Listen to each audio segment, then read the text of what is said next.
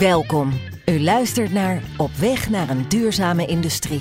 Een podcast van Stork over duurzaamheid, circulariteit en de energietransitie in relatie tot onderhoud en asset management. In deze podcastserie spreken we met vernieuwers en over praktijkvoorbeelden in de energietransitie. Uw host is Ferry Visser. Fijn dat u luistert. Vandaag verwelkomen we Frank Geerdink in onze podcast. Frank is Managing Director bij Aseco Europe BV en hij is van jongs af aan succesvol als ondernemer. Frank staat erom bekend haarfijn een probleem in een bepaalde industrie bloot te kunnen leggen en met behulp van technologie uit een andere sector een oplossing te bedenken. Vervolgens bouwt hij dan rondom deze oplossing een nieuw succesvol bedrijf. Frank legt de lat hierbij graag hoog en in tijden van disruptie ziet hij juist kansen. Zo ook in deze tijd van klimaatcrisis en de noodzaak onze grondstoffen te behouden en dus circulair te gaan produceren. Voor Frank, met bekendheid in de offshore decommissioning, was de stap naar duurzame recycling van volledige schepen slechts een kleine stap. Gewoon de cirkel sluiten, aldus Frank. Alle reden voor een goed gesprek in het kader van onze podcast Op weg naar een duurzame industrie. Dag Frank, goed om je weer te spreken. Heb ik je goed geïntroduceerd zo? Uh, ik kon het niet beter doen, uh, Ferry. Dankjewel. Nou, dat is goed om te horen. In het komende kwartier ga ik proberen voor onze luisteraars meer te weten te komen over waar jullie scheepsrecycling-initiatief over gaat. Zou je, om te beginnen, willen vertellen wat het probleem was dat jij zag en welke technologie jij hiervoor als oplossing zag? Ik ben een keer uh, op een trip in India naar de ABG Shipyard. Dat is een uh, kilometer of 600 boven Mumbai. Misschien nog wel meer. En toen ik daar wegging, toen zei een van die kerels: Frank, um, jij bedenkt altijd oplossingen. Ga nou eens even hier over het water naar Alang. En kijk eens even wat daar gebeurt. En heb jij daar misschien een oplossing voor? Toen zeg ik: Wat gebeurt daar dan? Ja, daar worden schepen gesloopt. Ik ben er naartoe gegaan. Ik stap uit de taxi. En dan heb je het idee dat je op dat moment in een Spielberg-film terechtkomt. Want je ziet dingen waarvan je met, met de beste wil van de wereld aan jezelf niet kunt verkopen dat dit echt gebeurt. Mensen die een, een schip binnengaan waar de dikke zwarte rook uittrekt. Mensen die met snijbranders een schip binnengaan en er valt een stuk van het schip af. En daar zie je andere mensen weer aan het randje staan. Dus kon ik op dat moment al concluderen dat moet fout gaan. En toen ik een beetje van de verbijstering bijgekomen was, in de taxi weg weer, toen begon er bij mij een idee te dagen. En, en uiteindelijk heb ik schetsen gemaakt in het vliegtuig terug naar Nederland. En die schetsen die zijn de basis geworden van het CMT, Circular Maritime Technologies waarbij wij schepen op de meest effectieve, maar vooral ook de meest circulaire wijze uit elkaar halen. En die, die techniek die stelt ons in staat om 100% veilig voor mens en milieu een schip uh, als een brood in plakjes en in reepjes en in blokjes te snijden. En daar komt geen mensenhand aan te pas. Nou, dat klinkt als uh, nou ja, een, een, een, iets heel bijzonders, Frank. En uh, zoals jij verbeeldt wat je zag toen je daar op dat strand uh, zag hoe die schepen gerecycled worden. Ik denk dat meer mensen dat beeld wel eens gezien hebben. Um, maar waarom wordt het dan nog niet gedaan wat jij bedacht hebt? Want het, als, het klinkt eigenlijk zo voor de hand liggend. Ja, als je een schip in het water ziet liggen, zeker als die beladen is, dan valt het allemaal nog wel mee. Als een schip in het water ligt en hij is niet beladen, dan begint het al een groot ding te worden. Maar als je als mens op de wal staat en het schip ligt ook op de wal, dan is het gewoon een enorm flatgebouw.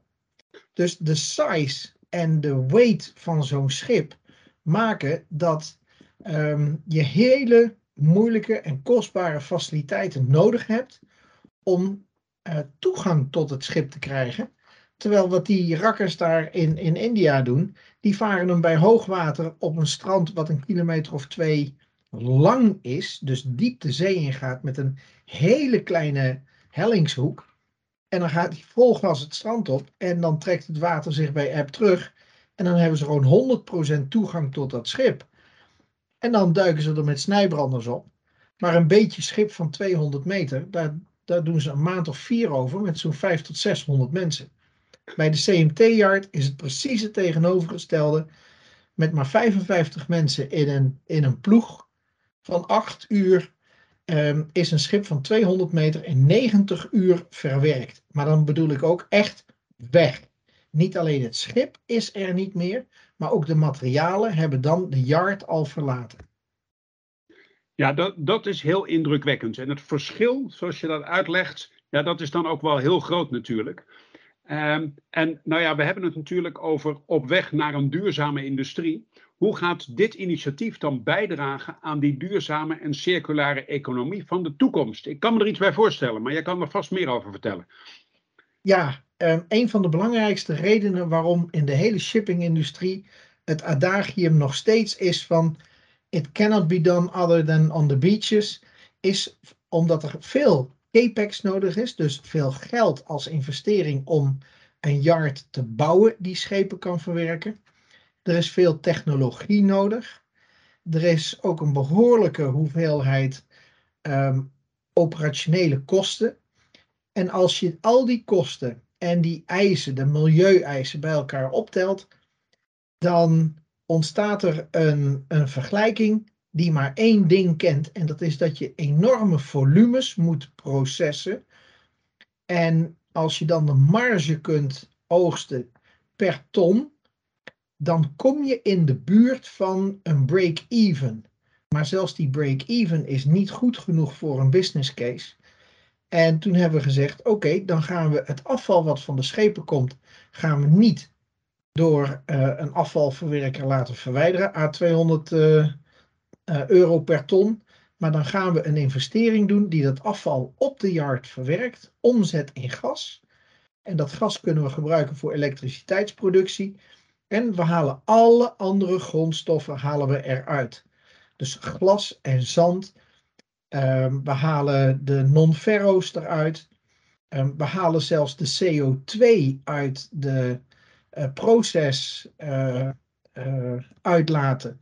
En die CO2 wordt verkocht aan tuinders in de omgeving van de yard. Um, zo levert letterlijk en figuurlijk alles wat op. En dan, en dan heb ik nog niet genoemd um, de CO2-rechten. Want de CO2-rechten, dat wordt eigenlijk uh, naast het groene staal het grote verdienmodel van het geheel. Frank, mag ik, mag ik jou onderbreken? Want is dat nou ook wat je bedoelt met het sluiten van de cirkel? Ja, exact. Uh, want daar heb je mij eerder over verteld en daar begon ik ook de introductie mee, dat uh, het wat jou betreft gewoon het sluiten van de cirkel is. Uh, wil je eens aan de luisteraar uitleggen wat je daar nou mee bedoelt? Nou, dat is waar, waar ik eigenlijk net mee begon. Um, wij hebben um, de afgelopen 70 jaar, nou, wat, 100 jaar sinds de industriële revolutie, een one-way system gekend. Mm -hmm. um, een producent die, die haalt grondstoffen bij elkaar en die maakt daar een product van. En die slingert dat product de wereld in en daar hoeft hij niet meer naar om te kijken. En wat er vervolgens mee gebeurt, is niet zijn verantwoording, sterker ook nog niet van de, van de koper. We hebben daar een paar uitzonderingen op uh, ontwikkeld. Uh, vrij natuurlijk. Dat is staal, dat is glas, dat is papier. Want die lieten zich en relatief gemakkelijk verzamelen en relatief gemakkelijk verwerken tot nieuwe stoffen. Omdat men daarin zag dat daar handel in zat. Alleen ontstellend veel andere materialen, die moeten die aandacht nog ontberen. En eigenlijk moet je het omdraaien. Iedere producent blijft voor de rest van, het, uh, van de lifecycle van het product de custodian van het product.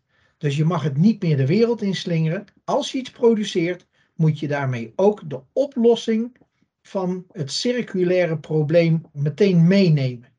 En daarmee moet je dus als producent de cirkel zelf sluiten.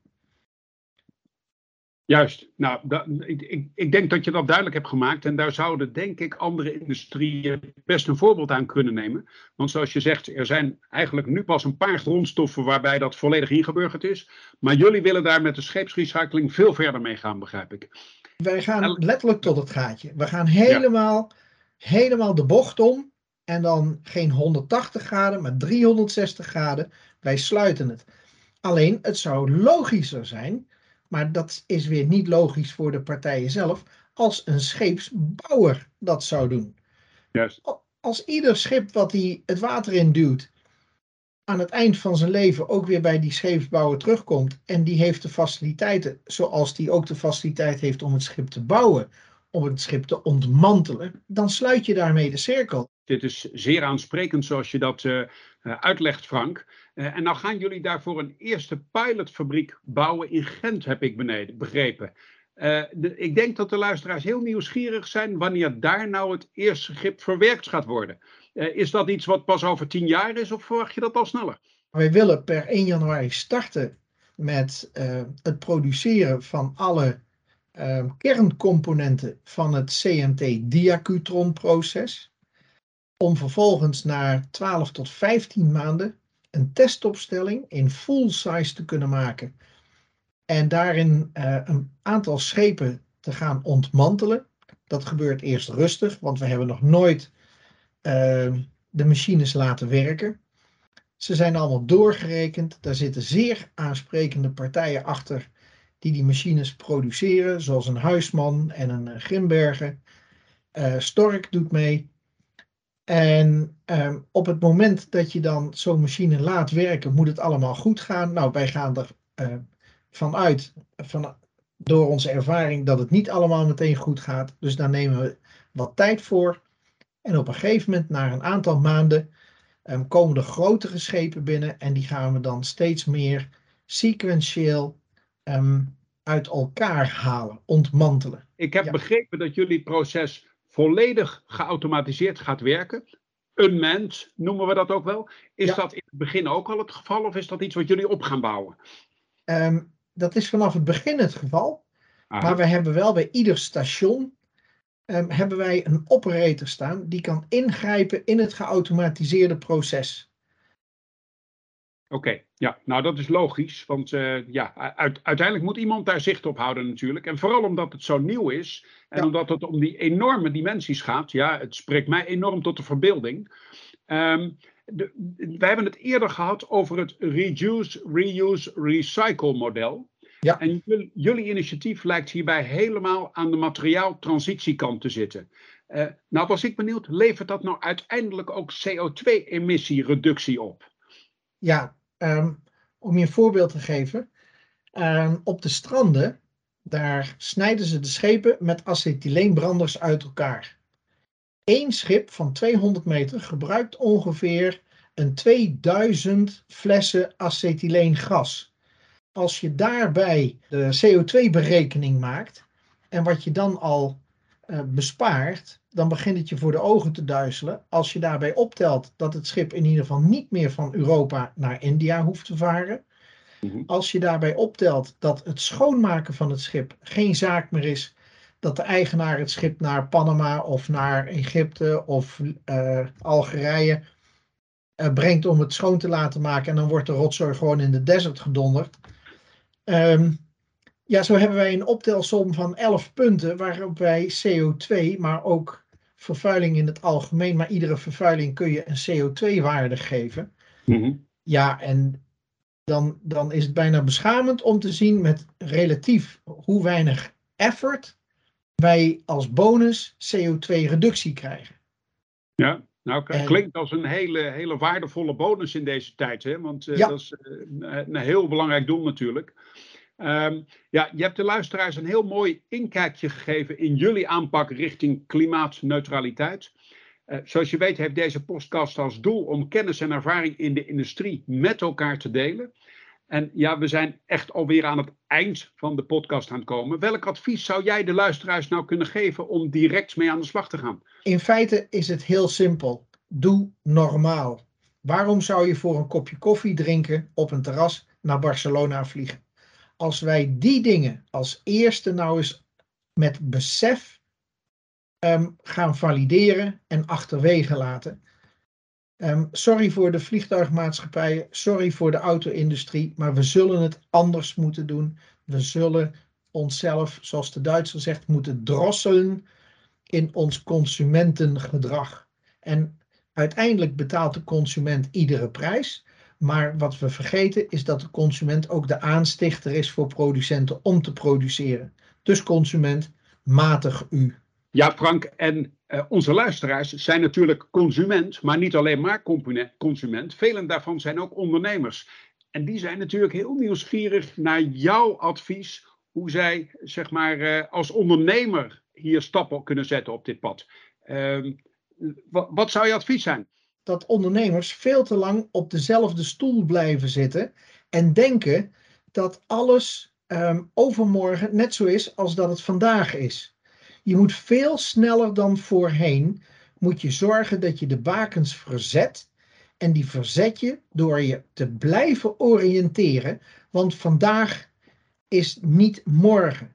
Morgen wordt nieuw. En als jij daar niet over nadenkt en ook niet naar handelt, dan gaat bij jou het licht heel even knipperen, maar dan gaat het hartstikke snel uit. En dat is wat ik de, de ondernemers mee wil geven.